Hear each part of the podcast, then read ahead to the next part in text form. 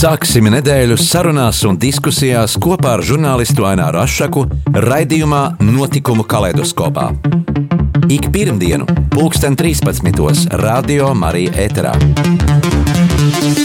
Tiksimies ar amatpersonām, interesantiem cilvēkiem, runāsim par aktuālitātēm un ikdienišķām lietām. Gaidīsim arī klausītāju jautājumus Radio Marija studijas viesiem. Ik pirmdienu, pulksten 13. raidījumā Notikumu kaleidoskopā.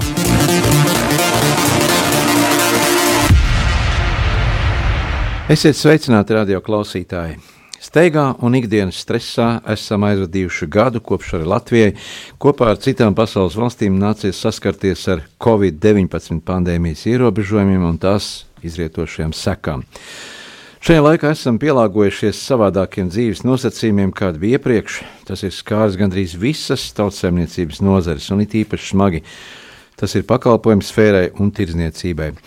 Un šodien studijā uz sarunu esmu aicinājis ilgadējo Latvijas tirgotāju asociācijas prezidentu Henriku Danaseviču. Labdien, Henrika! Labdien, klausītāji! Jā, kā jau minēja, aizvitējis gads, nu kā raksturot šo smago pārbaudījumu laiku, kurā daudzi uzņēmēji jau ir bankrotējuši, bet pircējiem ir daudz, daudz nērtības. Trīs mēnešus mēs nevarējām iegādāties lietas, ko ikdienā bijām pieraduši pirkt veikalā. Un tieši no šodienas arī ir atkal, atkal jauni nosacījumi, jauni ierobežojumi, un veikaliem ir doti papildus uzdevumi rūpēties par, par, par kārtību, drošību. Jā, tas, kas mūs satrauc, ka visā uh, Eiropas Savienībā, ja tā teikt, civilizētajā pasaulē, ir sakārtoti epidemioloģiskās drošības noteikumi. Kurā valstī ir mājasēdes garākas vai īsākas, un ir noteikti, protams, tas pats, kas pirm, bija pie mums, kvadrātmetri, divu metru distancēšanās un uh, tātad drošas iepirkšanās pamatprincipi. Visā Eiropas Savienībā ir noteikts, ka maziem veikaliem tie ir 10 kvadrātmetri uz vienu cilvēku, Jo nu, minimums tas, kas ir vajadzīgs pēc Pasaules veselības organizācijas uh, aprēķiniem, ir tas, lai ap tevi ir viens metrs uz katru pusi. Ja? Tas nozīmē, ka mm -hmm. četri kvadrātmetri ir tas, kas tev ir nepieciešams pilnībā, lai tu būtu drošs. Un tāpēc valstis ir aprēķinājušas un pieņēmušas par pamatu, ka drošs iepirkšanās pamats ir šie te tavs kvadrātiņš reizināts ar divām pusēm. Tas ir mazajā veikalā un 15 kvadrātmetru lielajā veikalā. Diemžēl jāsaka, ka Latvijā arvien vairāk virsroku gūst tāda nevis loģika un domāšana, bet tāda policijaska varas demonstrēšana. Tā ir ierēģiņa patvaļ? Domāju, ka tā ir tāda tendence, ka valdība, daļa valdības, atsevišķi partiju grupas, arvien mazāk vēlas ieklausīties sabiedrībā un ekspertos, bet vairāk grib izrādīt savu varu, tiesības kaut ko reglamentēt, un plus arī iegūstot varu un tiesības reglamentēt, tiek arī dotas iespējas valdībai noteikt milzīgus sodus. Kā jūs zināt, par šiem pārkāpumiem epidemioloģiskiem ir sodi līdz 5000, un jāsaka, ka policija arvien vairāk mēs redzam, ka pāriet no tās kārtības uzturēšanas uz šo te sodu iekasēšanu. Uz siltākām telpām pāriet. Nu jā, šodien ir pirmā diena, kad ir jaunie noteikumi. Jau no paša rīta ir policijas pārbaudas visos mazajos veikalos, kas, protams, ir ļoti sarežģīti, jo ekonomikas ministrija sadarbībā ar Tirniecības rūpniecības kameru lobējot lielos starptautiskos uzņēmumus, ir uztaisījis ļoti sarežģīts noteikums, ko mazie nepaspēja pa divām dienām piekdienas vakarā tika pieņemts lēmums, un nezinu, vai viņš šodien jau ir nopublicēts, bet domāju, ka ir. Bija jāuzraksta jauna kladīte ar to, jāapraksta to, ko tu līdz šim esi izdarījis, jo visiem jau strādā šie drošības pasākumi.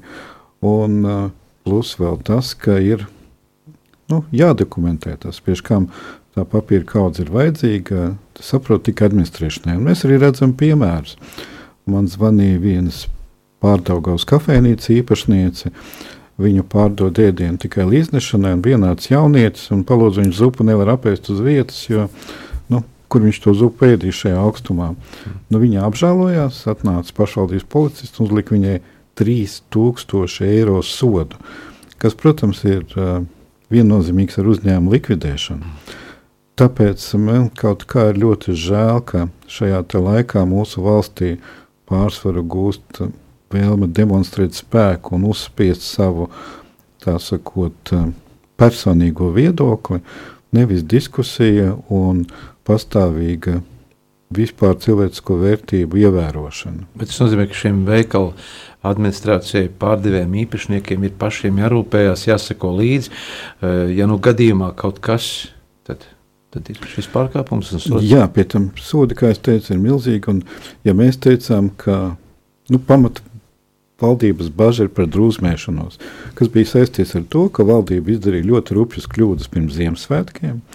Ja visā civilizētā Eiropā bija tā, ka veikali bija slēgti kādu brīdi, tur oktobris, novembris, tad uh, pirms Ziemassvētkiem, protams, veikali tika atvērti, lai cilvēki varētu iepirkties, un tā arī civilizētā Eiropā veikali strādā līdz pat šodienai.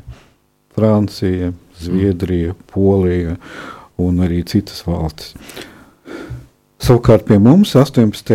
decembrī tika nolemts vienā dienā, ka lūk, šī ir pēdējā piekdiena, kad jūs varat iepirkties pirms jaunā gada, un mēs slēdzam veikalus uz laiku līdz. Šodien ir mums 8. februāris, tas ir uz pusotru mēnesi, gandrīz ne, nepilniem diviem mēnešiem. Veikali tika slēgti, un tā iepirkšanās, kas mums ir pirms svētkiem, tika saspiesta piecās stundās. Protams, ka cilvēki metās ne panikā, varētu teikt, bet nu, pēdējie brīži, lai nopirktu Ziemassvētku dāvanas, jaunā gada dāvanas, kas tomēr ir pierasts tādā civilizētā mm. sabiedrībā. Mums arī, kā katoļu ģimenē, vienmēr ir Ziemassvētkiem apdāvināšanās un tāda tradīcija. Un valdība izjauca gan Ziemassvētku prieku, gan radīja arī saslimšanas pīķi, jo, kā mēs arī prognozējām, pēc desmit dienām bija milzīgs paliciens, jo, protams, tāda cilvēku masa, kad metās tirniecības centrā, neskatoties to, ka iekšpusē tiek ievērotas šī distancēšanās, protams, ārpusē bija grūti. Man nebija iespējams tomēr regulēt šo cilvēku plūsmu, pircējs ar tiem pašiem groziņiem vai elektronisko sistēmu, kas nodrošina cilvēku skaitu. Jā, es jau teicu, ka iekšpusē varēja nodrošināt, bet ārpusē bija tāda uzmēšanās. Jo, nu, pamatā jau cilvēki, nu, diemžēl, mēdz skriet uz lieliem tirdzniecības centriem, un kad tur sabrauc pilns, mm. tad, protams, notiek šī kustība gar transportu.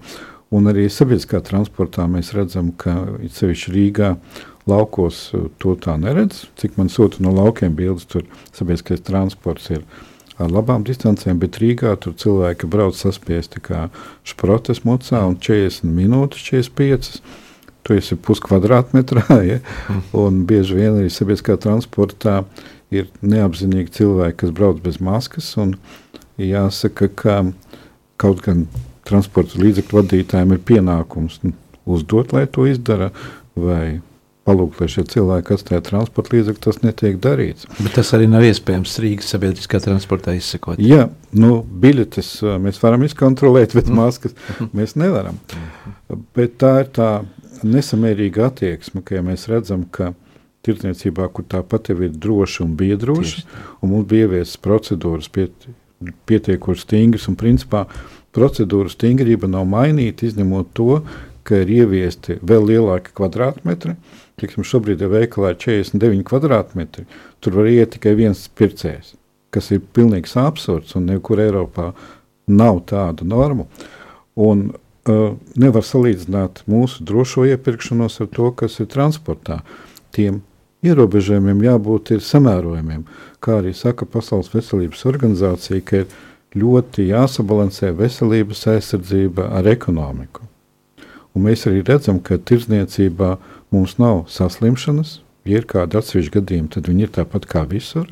Bet mēs zinām, kur ir pamat vājās nozares. Es domāju, ka visi klausītāji dzirdējuši, ne, negribu saukt atkārtoti, un tāpēc jākontrolē un jā, ir tur, kur ir lielākie riski. Jā. Tā ir pārvietošanās un pulcēšanās. Pandēmijas laikā mēs uh, aktīvi izmantojām e-veikalus. Protams, daļas sabiedrības, daudz cilvēku, vecākās paudzes noteikti šo e-iepirkšanos e uh, joprojām nepārzina tik labi, un arī nav šī datorizētā sistēma, ne katram ir pieejama un, un, un saprotama.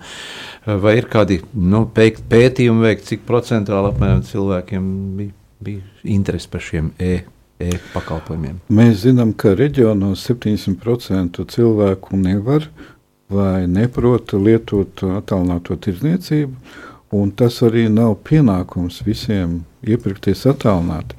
Tas, ko mēs arī valdībai visu laiku sakām, ka jo vairāk veikali ir atvērti, jo mazāks ir iedzīvotāju blīvums uz vienu veikalu. Jo jāsaprot, ka tā norma šā vai tā ir tie kvadrātmetri, kas ir nepieciešami. Un arī valdība ir ierobežojusi arī to, ka cilvēks uz veikalu drīkst iet viens pats, vai, nu, ja ir bērns viens, vai teiksim, kāds viņu pavadīja, viņam tas nepieciešams.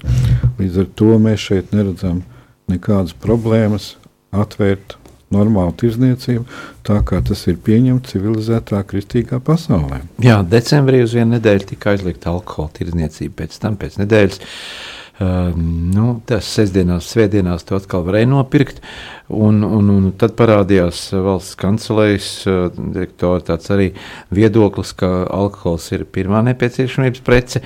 Un, un tad diskusijas bija, kas tad tā grāmatas nav nepieciešamības prece, alkohols ir pirmā nepieciešamības prece. Jā, tas izvērtējums ir ļoti.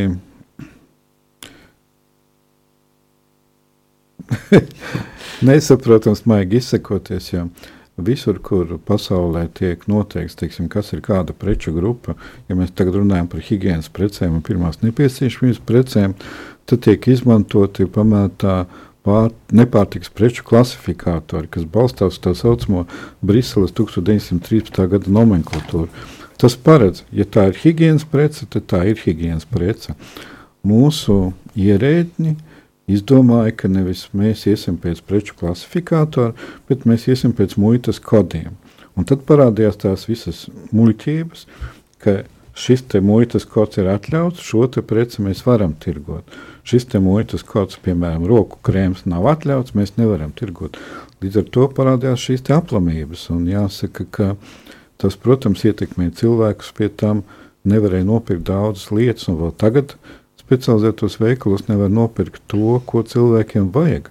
Tie paši apavi ziemā pateikt, ka nedrīkst pārdot apavus vai bērniem apģērbus, vai ļoti daudz mums arī attiecībā par e-iepirkšanu saka, ka man, teiksim, krānam kaut kas nolūza, es nevaru to nopirkt. Ja es gribu pirkt attālināti, pat ja es to protu, man ir piecreiz jāpārmaksā, jo jāsaprot, ka, nu, piegāde mājās jau ir noteikts pakalpojums, par ko tev ir jāmaksā, vai arī tev ir jāpērk liels daudzums preču, tad tev tas piegāde ir par brīvu. Un tas uh, sadārdzina, un es domāju, ka lielākā, nu ne lielākā daļa, laikam, ir 37% Latvijas iedzīvotāji, kas nevar atļauties maksāt par piegādi. Tas viss sadārdzina pakalpojumu. Protams, Jā. nu, vidēji piegāde maksā 4-5 eiro. Nu, tad, attiecīgi, ir jārēķina. Mm. Ir daudzas preces, kur cilvēks tomēr grib viņas aptaustīt, paskatīties. Un arī attālinātā tirdzniecībā ir tas, ka, ja tev atnāk kaut kas, kas tev nedara, tad tev ir par tavu naudu jāsūta atpakaļ. Tev ir jāsmaksā tāda, principā, nu, tev jārēķinās ar kaut kādiem 8 līdz 10 eiro, ja tu nevari uzreiz trāpīt savā pirkumā. Un, protams, ka tas ir milzīgs laiks. Teiksim, viena kundze man rakstīja, ka viņa 8. janvārī bija pasūtījusi bērnam cimdiņus. Tad viņa pateica, ka būs 18. janvārī, pēc tam pateica, ka būs 26. janvārī, un pēc tam pateica, ka būs pēc 1. februāra. Nu, Ziemassvētku jau būs beidzies. Jā. Arī mēs teiksim, nopirkām attālināti grāmatu elektronisko. Nu, jau viņi atnāca ar defektiem, nu jau kādas uh, trīs nedēļas. Uh, kurš mēs gaidām, kad mēs saņemsim šo grāmatu. Tas tikai parāda to, ka uh, valdības tā, nu, ka valdība vai nu apzināti māna tautu, ja, ja arī vairs pati ir tik uh, atrauta no ikdienas dzīves, ka nesaprot, kas notiek ikdienā. Jā, apvien, uh, tirgotāja asociācijā ir apvienojušies vairāk kā 600 lieli uzņēmēji, gan mazie, gan lielie uzņēmēji, tas ir spēks. Ja? Tā var teikt, ka tā ir likumdošanā, kādas izmaiņas to var veikt. Ja? Iesniedzot. Jā, bet tomēr mūsu valstī vairāk nosaka nauda. Un kad tiksim, šie pēdējie noteikumi, kuri tika pieņemti pretēji nozares interesēm, bet atbilstoši atsevišķu lielo tirdzniecības centru, laikam, lobbyiem, nu, tirdzniecības rūpniecības kamera tos piedāvāja. Viņi pārstāv pamatā šos lielos. Uh, ka nu, mēs redzam, ka diemžēl naudas vara ir pārāk lielu ietekmi ieguvusi mūsu valstīm. Mm -hmm. Jā, vairāk uzņēmēji tagad jau ir vērsušies satversmes tiesā, lai, lai apstrīdētu visus šos uh, likumdošanas pantus un, un viņiem radītos zaudējumus, vai tur varētu būt kāds rezultāts konkrēti. Mēs zinām, ka pirmā, kas pie Kilbloka kundze ir zvaigznes ABC. Nu, mēs redzam, kā viņi, iesniedza piekdienu pieteikums atversmes tiesā, tā uzreiz valdība pieņem lēmumu, ka grāmatnīca drīkst strādāt. Mm. Uh, protams, ka mēs pašlaik apspriežam jautājumu par kolektīvo pieteikumu, jo kas šobrīd sanāca? Uh, tas, ko piedāvāja Tirniecības rūpniecības kamera un ievies ekonomikas ministrija, ka lielie tagad var tirgot itin visu. Savukārt, ja tev ir specializēts veikals, apavu veikals vai nu, jebkurš veikals, no tās rotaļlietu veikals, nu, saimniecības preču veikals, tad tu nedrīkst neko tirgot.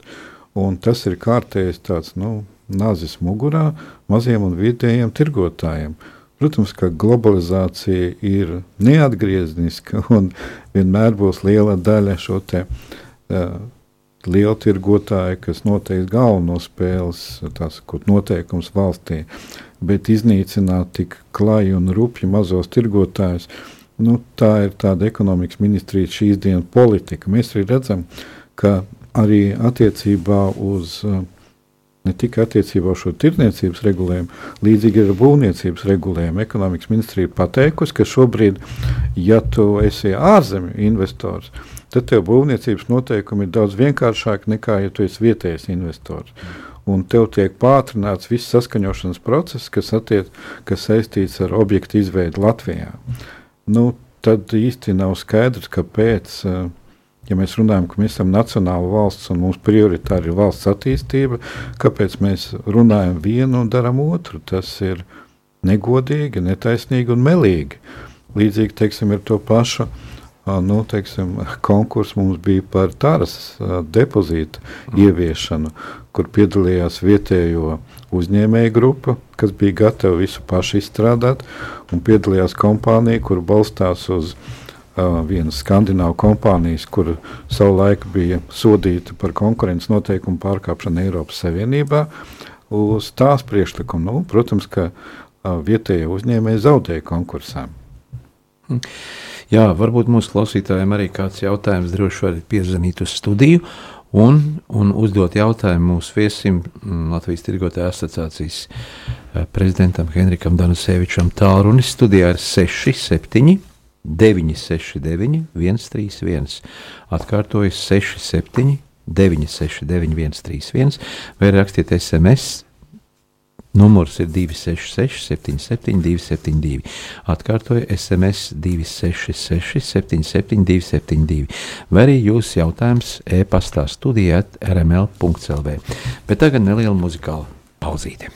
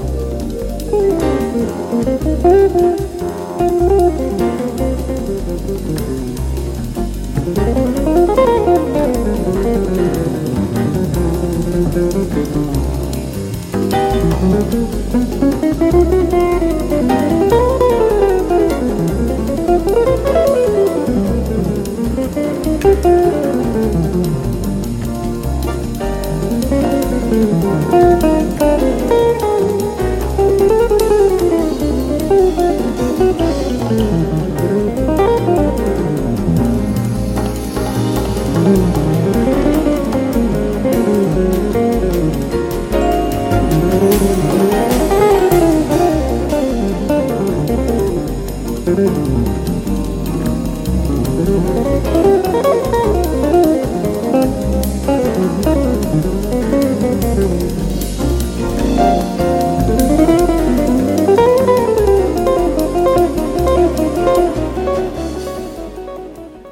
ka studijā mēs sarunājamies ar Latvijas Tirgotāju asociācijas prezidentu Henriku Danuseviču, un mums ir arī klausītājs zvans.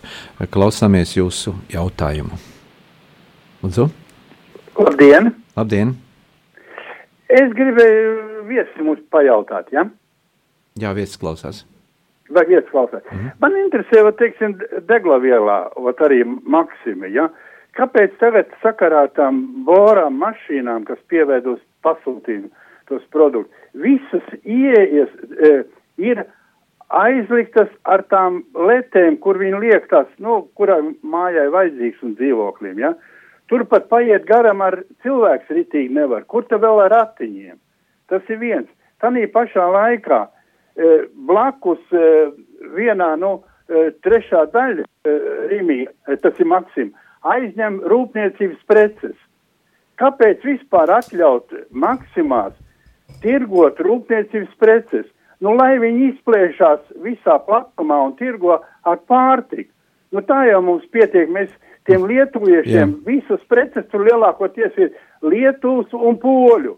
Mūsēji vietējie, lai tirgo mazos veikliņos Rīgā, tad ir pašā tērba cielā, ķetrū cielā, e, ar apaviem un ar e, visādām parfimērijām un tādām lietām. Nu, Lietuva ir tas, tas pats Rīmī. Nu, viss viņi tur tā piemāca. Jā, paldies, sapratām jūsu jautājumu tātad eh, par, par, par precēm, par, par, par tirzniecību un par to, kāpēc rampas aizkrautas. Lūdzu, Jā, paldies. To, ka rampas aizkrautas es šodien pat uh, ziņošu Maksimas vadībai, un es ceru, ka viņi sakārto šo te lietu, lai jums ir ērti gar šo te veikalu pārvietoties. Attiecībā par preču sortimentu, nu, ir, redziet, dažādi veikalu formāti. Ir tā saucamie mazie veikali pārtikas, tad ir lielveikali un dižveikali. Un tā ir iegājies, ka lielveikalos, kur ir lielāka platība, blakus pārtikai tiek piedāvāts arī dažādas nepārtikas preces, un tad atkarībā no tā, ko cilvēki prasa vai pērk, tad tas sortiments tiek veidots. Bet, protams, kā pamatlieta ir pārtikas preces. Jā. Nu, jā, nu, jā. Nu, nu, labi, nu, kaut kādīgi jācīnās. Būtībā mums ir ļoti liela vara dot e, Lietuvas precēm, Igauni, Poļu precēm, mm. bet mūsu paši vietējie, teiksim, nu, kas uh, tirgo parfumēriju vai kas, to dzintaru vai ko, teiksim, kas bīdo, ja, to nevar nekur nopirkt. Nu, tas ir krons. Tāpēc ja? tas ir tas, ko es jums arī teicu, ka mums Latvijā trūkst ekonomikas ministrijas atbalsta vietējai tirdzniecībai, ka ekonomikas ministrijas politika ir vērsta pret vietējās tirdzniecības uh, attīstību, saglabāšanu. Tātad Eiropas un, Savienības interesu lobēšana? Nē, tās nav Eiropas Savienības intereses. Eiropas Savienība tieši otrādi mm. ir paziņojusi, ka mazie un vidēji uzņēmumi ir valsts mugurkauls. Mm. Mums ir šīs kooperācijas, AIB, LATS, um, Besko, Elvi. Nu, Elvi tā, negribu pieminēt. Uh, un, uh, ir jāatbalsta šie vietējie uzņēmēji. Mēs pašlaik sadarbojamies ar Zemkopijas ministriju, kas ir ļoti nacionāli noskaņota par to, lai palielinātu vietējo preču noietu Latvijas veikalos. Problēma ir tā, ka daudzi ražotāji Polijā un Lietuvā ir spēcīgāki kā mūsu ražotāji, un jūs, klausītāji, lielākoties tomēr izvēlaties preci atkarībā no cenas. Un, ja jūs redzat, ka ir līdzvērtīgs krējums vai piens, bet teiksim, tas ārzemju piens ir lētāks, tad jūs izvēlaties to un nevar jūs vainot tajā. Problēma ir tā, ka mūsu ražotāji iespējams ir pārāk maz efektīvi vai arī pārāk maz nu, teiksim, pārliecina pircēju par savas preces nepieciešamību, vai arī mēs esam pārāk masturīgi. Jā. Mums ir vēl e-pastā jautājums. Mēs jau nedaudz pieskārāmies par to, kas Latvijai traucē iegādāties pudeļu šķirojamās mašīnas un kāpēc mums tik ļoti atšķiramies no mūsu kaimiņu valstīm, kas jau vairākus gadus uh, ir savu šo, šo, šo šķirošanas sistēmu priekšā mums. Es jau skaidroju, bet pateikšu vēlreiz, ka mums ir ļoti labs vietējais uzņēmējs, kurš bija izgatavojis eh, šķirojamo mašīnu, kas eh, šķiro ne tikai tās pudeles, kuras šobrīd savāc lietuvieši un igauņi, tas ir alus un, uh, un uh, minerālūdens pudeles, bet kas pieņemt arī visu pārējo plastmas iepakojumu. Nu, visu, jā, arī baterijas viņš pieņemt. Ja. Piemēram, nu, mums ir piens, plasmas pudelēs, mums ir šampūni, mums ir vēl kaut kāda eļļas un tam līdzīgi. Un tas tika piedāvāts valdībai, lai ieviešot tagad depozītu sistēmu, mēs uzreiz izveidotu modernāko sistēmu Eiropā. Viņi ir guvusi atzinību arī Lielbritānijā un citur pasaulē, lai varētu šķirot itin visu. Nu, diemžēl loģika arī šeit nav bijusi spēcīgāka par naudas varas ietekmi. Šobrīd šiem vietējiem uzņēmējiem ir atteikts veidot šo sistēmu. Un, kā jau teicu, tiks, domāju, ka pašlaik ir plānots iepirkt tos pašus aparātus, kas ir Lietuvā un Igaunijā. Un, kā es arī jums stāstīju, firma, kas piegādā šos aparātus, ir savulaik sodīta Eiropas komisijā par to, ka ļaunprātīgi izmanto tirgus varu un pārkāpj konkurences tiesības. Un mēs arī redzējām cenu aptaujā pirms konkursa, ka šīs firmas aparāti ir visdārgākie un kas ir sliktākais jums, radio klausītāji, ka ja Latvijas uzņēmējs bija izveidojis sistēmu, kurš jums iedotu naudu par depozītu pudeli jebkurā gadījumā, tad šis te pašreizējais risinājums, kas Lietuvā un Igaunijā paredz, ka jums ir pudele ieburzīta vai kaut kā savādāk, tad jums to naudu vairs neviens nedos, un jūs mm -hmm. zaudēsiet savu naudu pretī vietējā uzņēmēja piedāvājumā. Pudele tiek paņemta. Nē, nu viņi nepaņem vienkārši. Nepaņem. Jā, tu esi samaksājis par viņu, teiksim, par mm. naudu. Ja tev nauda ir ieplīsusi, tad tev atdod naudu apmaiņu pret jaunu. Bet šajā gadījumā šī tomra sistēma paredz to, ka šādā gadījumā tev naudu neatdod un tu neko nevari attiesāt. Tev jāmet ārā tie desmit centi, jeb cik tur būs par to pudeles depozītu, ko tu būsi samaksājis. Iepriekš jau samaksājis. Ja gribēju parunāt par paradoksiem, eh, to droši vien daudz tādu gadījumu, bet nu, man konkrēti arī bija tā, ka, mm, eh, piemēram, nevarēja nopirkt dāvanu karti vienā veikalā, turpat blakus 15 metrus tālāk, citā veikalā šo dāvanu karti var nopirkt. Vēl paradoks par to, ka uh, piemēram, es ienāku veikalā, un tas man arī ļoti pārsteidz un, un, un radīja tādu izbrīnu, ka pārdevējs saka, nu, piezvaniet man tagad, es viņai pretī stāvu, piezvanu. Es esmu veicis pasūtījumu, telefoniski veicis pasūtījumu internetā vai, vai attālumu, bet kaut gan es tur pat blakus stāvu, tad es to preci nopirku. Šeit ir jāsaka tā, ka te jāsaka drīzāk paldies tirgotājiem, ka viņš ir sajūt tavu nepieciešamību ap, un jā. atrisina to, mm -hmm. ko valdība ir sarežģījusi tev jā. ikdienā. Pie tam šī darbība nekādā veidā nerada tev risku saslimt. Mm -hmm. Tieši otrādi šobrīd tās rindas, kas būs ārā, stāvēs mīnus 15, 17 grādos ārā, tā ir daudz lielāka iespēja tev saslimt nekā droši uzturēties 15 kvadrātmetros, kā Eiropā ir paredzēts. Šobrīd ekonomikas ministrijas noteikumi ir ir noveduši pie tā, ka, ja tev ir 49 kvadrātmetri veikalā, tu vari ielaist tikai vienu cilvēku šajā tirdzniecības zālē. Ja? Bet kāpēc citi veikali nevarētu ar šiem telefonu zvaniem pārdot tāpatās kā tie? Viņi to arī dara. Un es domāju, ka tie, kas uh, ir gatavi. Bet viena liela daļa ir, gudīgi sakot, šo trīs mēnešu laikā, un redzot, ka valdība nepārāk ne atbalsta. Mums ir valsts atbalsts saņēmuši tikai 10% no tirgotājiem un iedinātājiem, kam tas ir nepieciešams, ka ir nolaiduši rokas un vairs nepaļaujas uz valsti. Un arī tagad, šodien arī man Facebookā raksta, ka arī policija, ja mēs vienu brīdi sākām viņu uztvert kā mūsu aizsargu, šobrīd nu, ir kļuvuši, kā man raksta, ka policisti kļuvuši par mentiem. Biedi, mūsu biedrs. Jā. jā, diemžēl mēs viņus arvien mazāk sajūtam kā draugus, bet vairāk kā biedu. Bet vienalga tā ir mūsu sabiedrības daļa. Viņiem ir ģimenes radinieki, kuriem tāpat nepieciešams iegādāties šīs lietas.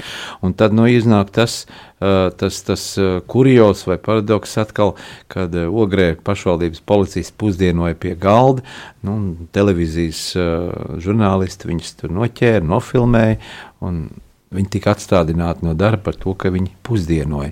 Bet tur jau ir laikam tās noslēpums, ka viņi soda citus cilvēkus, kas sēž pie galda. Ir divas lietas. Pirmkārt, tā ir sistēma, kas tiek būvēta nežēlīgi no augšas. Un, ja mm. tu esi tajā sistēmā, nu tā kā armijā, diemžēl jāsaka tā, ja tev liek šaut, tad tu esi spiests šaut vai arī tevi nošaus.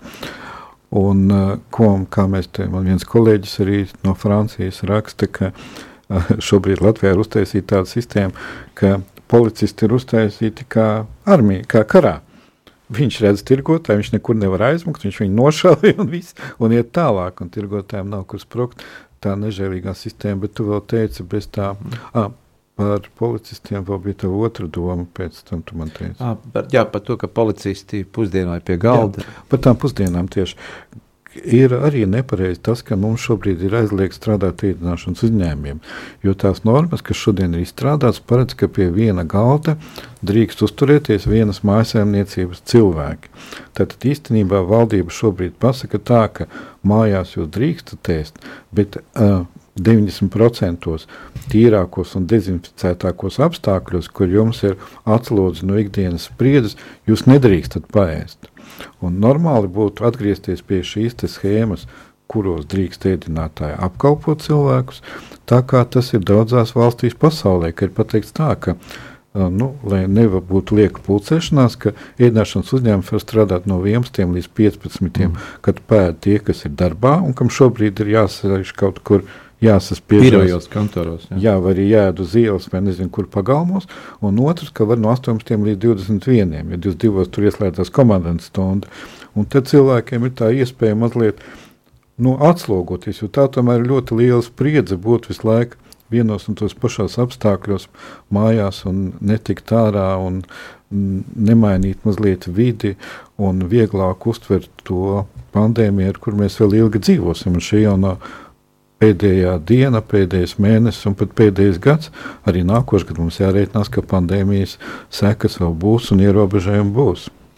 Jā, atkal muzikālā pauzīte atgādina mūsu klausītājiem, ka mēs sarunājamies ar Latvijas Tirgotāju asociācijas prezidentu Henriku Danuseviču un gaidām vēl jūsu jautājumus studijā. Tad, tad zvaniet, droši uzdodiet mums jautājumus, gaidīsim un mēģināsim sniegt jums arī atbildi.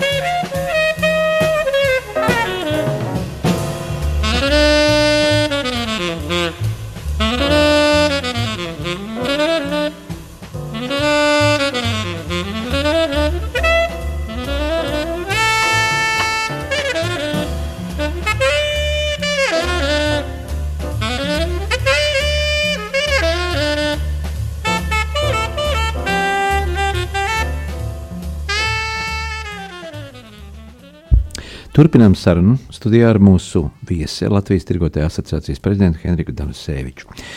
Tikko, Henrika, mēs te skatījāmies tādu, tādu pētījumu, apkopojumu par saslimstības līmeni pret iedzīvotāju skaitu Eiropas Savienības valstīs. Un Latvijā m, mm, tas ir nu, diezgan zems, bet nu, Luksemburgā izrādās, ka tas ir ļoti augsts, bet tur viss atļauj tirgot. Kā tas ir? Nu, Luksemburgā vēl visu neatļauj tirgot. Jā. Tur vienkārši nav tā, ka var strādāt lielie veikali, nevar strādāt mazie veikali.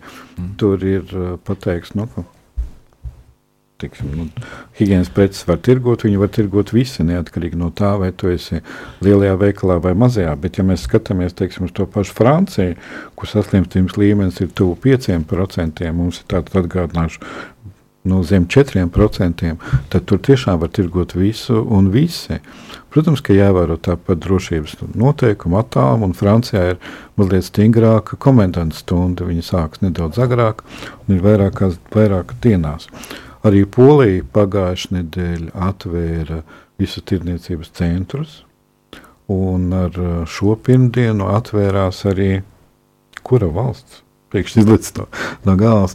Uh, viena valsts arī atvēra visu tirdzniecību. Nu, jāsaka, ir Igaunijā, kur ir ļoti līdzīgs saslimšanas līmenis kā mums, par diviem 0,2% tikai labāks kā te, strādā itin viss. Protams, ka ir tie epidemiski ierobežojumi, bet nav tāda drakoniska mazo video uzņēmēju iznīcināšana, un nav tāda arī augstprātīga attieksme pret cilvēkiem. Kā šobrīd ar izklaides lietām, kinoteātri, klubi tajos pašos lielos tirdzniecības centros, tomēr arī pie veikaliem ir šie, šie, šī izklaides iespēja. Jā, tā pašā polijā, kur ir par uh, pusprocentu augstāka saslimstība, ar šonadēļ sāk strādāt kinoteātri, protams, ar tiem pašiem drošības noteikumiem, kas mums bija, ka var tikai 50% piepildījums, bet nu, dzīve atzīst no, no, Atja, at, atjaunojās.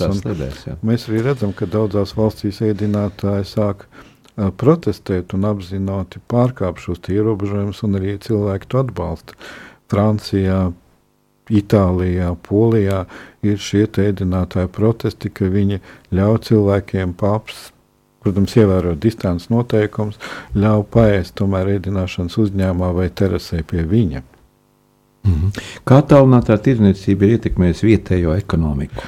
Jā, tā ir problēma, kuru saskārās pirmā Francija. Tad, kad Francija pagājušā gada beigās noslēdza uz mēnesi veikals, tad viņi saprata savu kļūdu, jo ļoti spēcīgi ir starptautiskie piegāžu tīkli. Nu, Alibaba teiksim, no Ķīnas, tad ir šis amerikāņu tīkls Amazonija.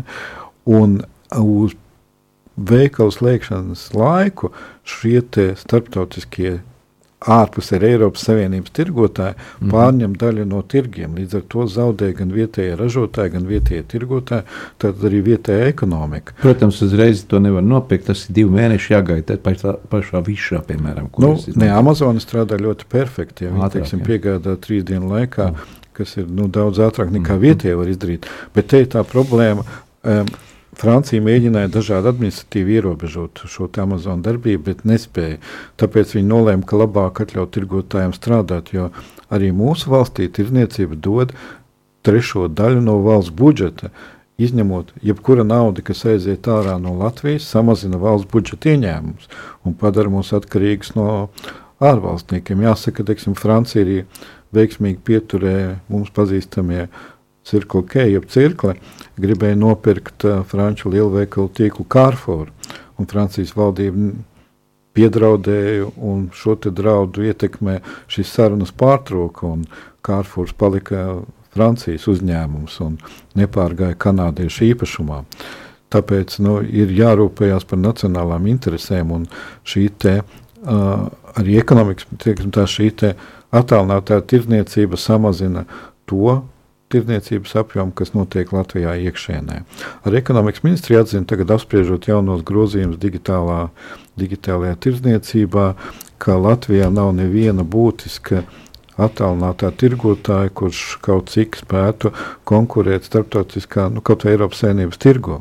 Neviens nesasniedz 10%. Mums arī, ja mēs paskatāmies, nav tādu tirgotāju, kas ir izgājuši ārpus Latvijas robežām. Vienīgais bija drogas, bet viņš uh, ir korejiešu uzņēmums. Un, nepiedara vairs latviešu uzņēmējiem. Jā, kā ar nelegālo pakalpojumu darbību, tā noteikti ir atsākusies jau to. Mēs pamanījām, ka tur tirgu var nopirkt dažādas lietas, katlus un elementāras mhm. saimniecības mantas. Tās, kuras nevar nopirkt veikalā, čukstot, pasaka, mums ir katli piedāvājumā. Jā, mēs arī par to esam teikuši valdībai, ka tāpēc vajadzētu atcelt šos ierobežojumus, lai cilvēki pirktu legāli. Nu, diemžēl valdība šobrīd uzskata, ka nelegālā tirdzniecība nav tik liels biedrs. Kaut gan savukārt ar valsts ieņēmumu dienestu mēs sadarbojamies atsevišķās preču grupās, un valsts ieņēmuma dienas labprāt palīdz mums sakārtot vienu vai otru apakšnodari. Šodien pat es aizsūtīju informāciju, ko mums iesūtīja viens no tirgotājiem, ka viens no attālinātās tirdzniecības veikaliem it kā pārdod no sevis, bet tad, kad cilvēks nopērk, tad tiek uzrādīts privāts personas konts, kurā jāieskaita nauda. Ja, kas, protams, ir būtisks pārkāpums. Un otrs, ka man ir ļoti žēl, ka valsts ar tādām grūtībām sakārtoja skaistumkopšanas nozari un legalizējās pirkumi, un tagad šī nozara ir, ir iedzīta atpakaļ pagrīdē.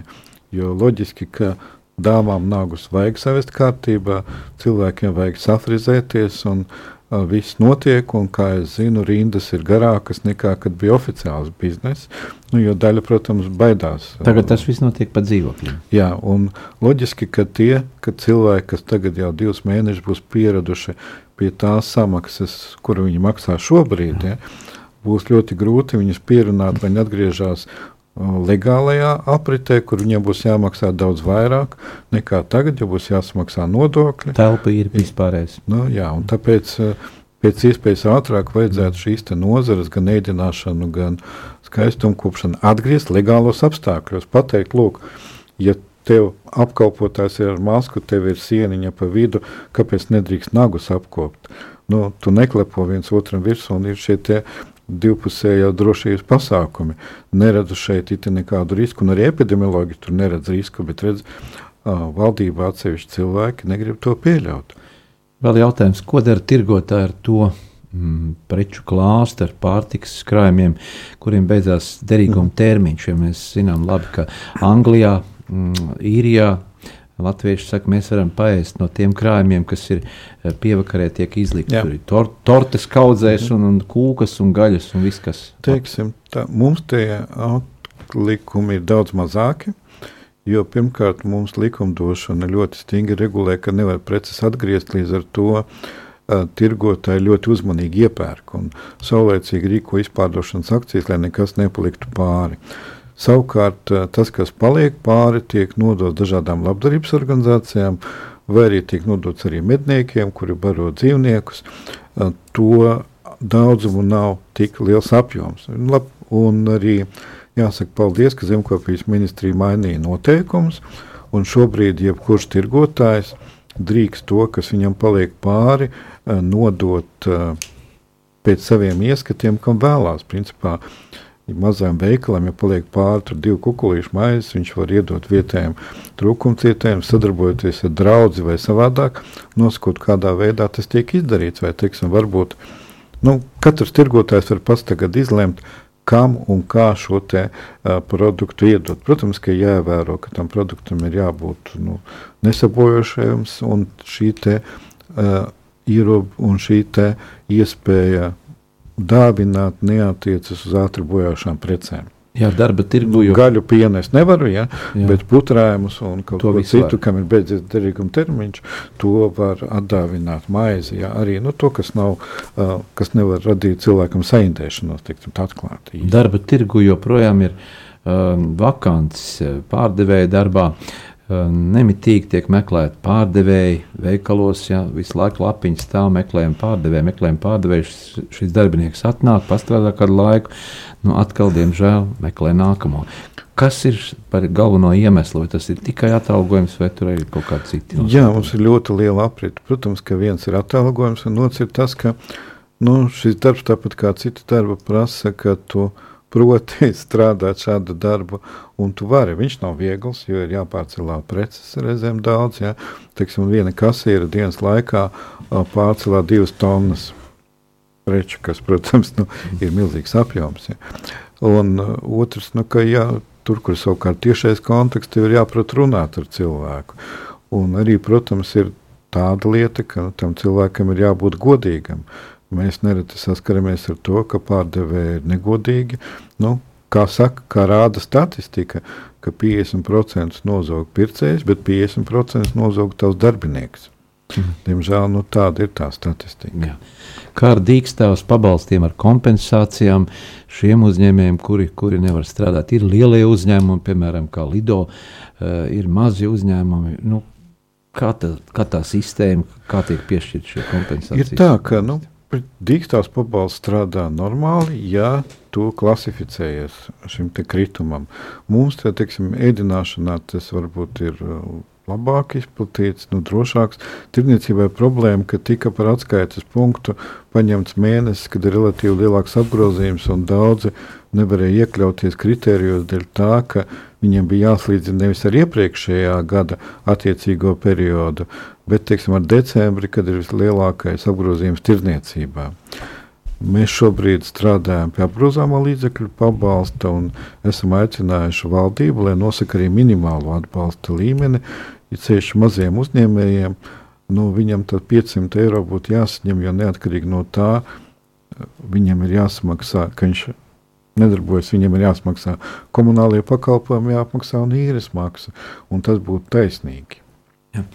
Kā ar šo drošību, ar, ar dezinfekcijas iespējām veikalos, jo, jo pēc tam, kad viss stājās spēkā, visi šie ierobežojumi, jā, veikali uh, Eh, uzstādīja šos plafonus, organiskā stikla un, un dezinfekcijas pudeles. Bija mm. viss, kā, tās ir papildu izmaksas, kas, eh, nu, kas tiks iekļautas cenā. Protams, nu, ir jāsaprot, ka cenas kāps, un tagad, kad valdība ir pieņēmusi jaunus lēmumus, kas nav nevienā Eiropas Savienības valstī, ka mums ir jā, jāuzstāda elektroniskie pircēju skaitītāji.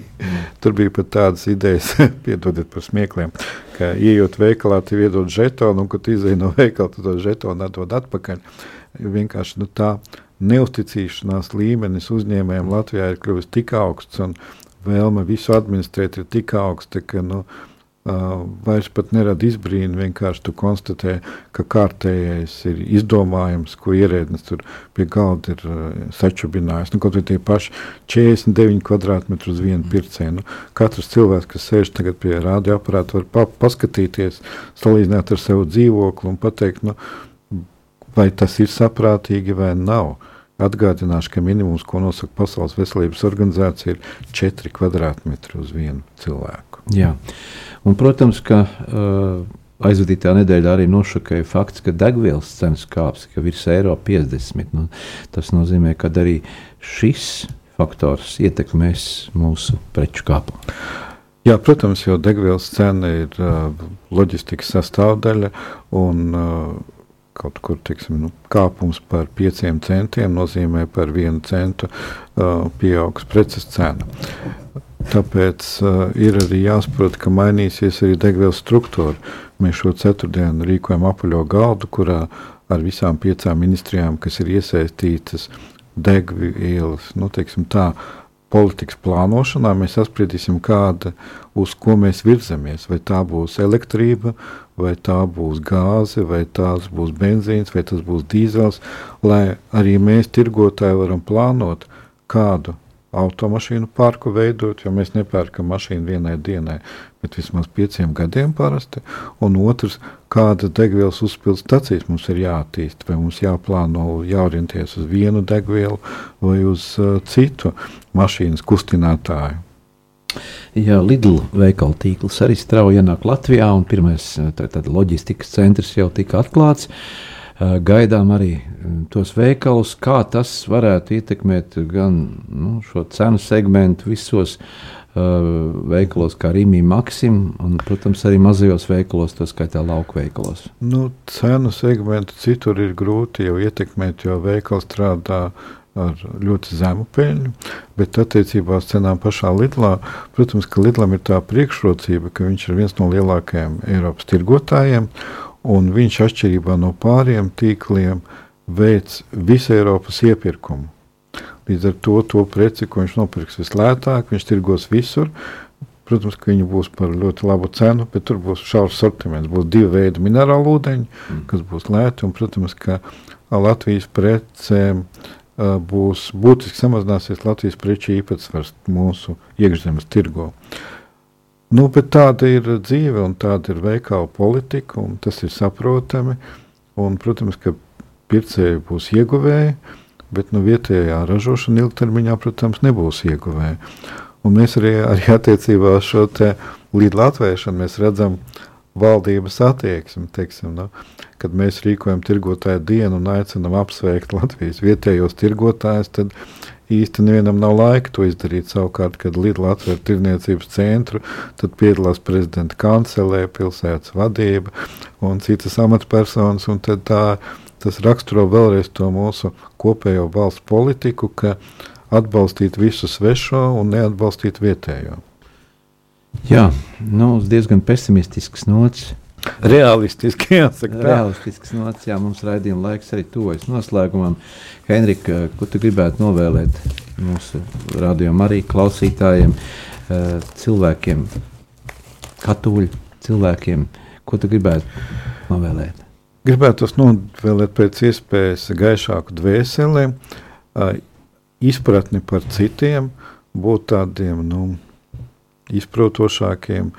Man ļoti patīk, kas par Dimitru pēdējā dziesma par to, ka, diemžēl, tautā pārāk daudz ir atkal atgriežies pie tā saucamās tučīšanas. Ir jāsaprot, kāpēc tas notiek, un, ja tev kaut kas nepatīk, labāk ir aizrādīt, nekā uzsūtīt uh, citiem, uh, nu, teiksim, sodītājus. Un es jums arī teicu, kādi šobrīd ir tie soda mēri, ka tie ir nesamērojami. Es saprotu, ja tu pats baidies pateikt, un tu gribi, lai policists to pasaka, tā ir viena lieta, bet ja tu pats baidies pateikt, pasūti policistu, un tas uzreiz uzliek 3000 eiro sodu, nu, tas ir nāves spriedums cilvēkam, kuru tu esi nobijies aizrādīt. Jā, tad mēs arī vairāk varam palikt uz ielas bez saviem mājokļiem, jo tiesas piedzinējis tā kā tā, izpildītājs. Jā, patnāk. vairāk mīlēt citu citu un aizrādīt, labāk pateikt tieši nekā aiz muguras darīt sliktas lietas. Jā.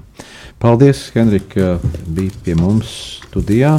Sarunu atgādinājām, ka sarunājamies ar Latvijas Tirgotāju asociācijas ilgadējo prezidentu Henriku Danuseviču un novēlēsim, lai mums visiem, gan pircējiem, gan tirgotājiem, uh, būtu būt šis pārmaiņu laiks, ātrāk atgrieztos normālās sliedēs, un mēs varētu iepirkties un viens otru cienīt, gan pircējs, gan arī tirgotājs. Paldies! Sāksim nedēļu sarunās un diskusijās kopā ar žurnālistu Aināru Rošu, raidījumā Notikumu kaleidoskopā.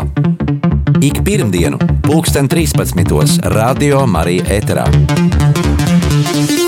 Tiksimies ar amatpersonām, interesantiem cilvēkiem, runāsim par aktuālitātēm un ikdienišķām lietām. Gaidīsim arī klausītāju jautājumus Radio Marijas studijas viesiem. Ik pirmdienu, pulksten 13. raidījumā Notikumu kaleidoskopā.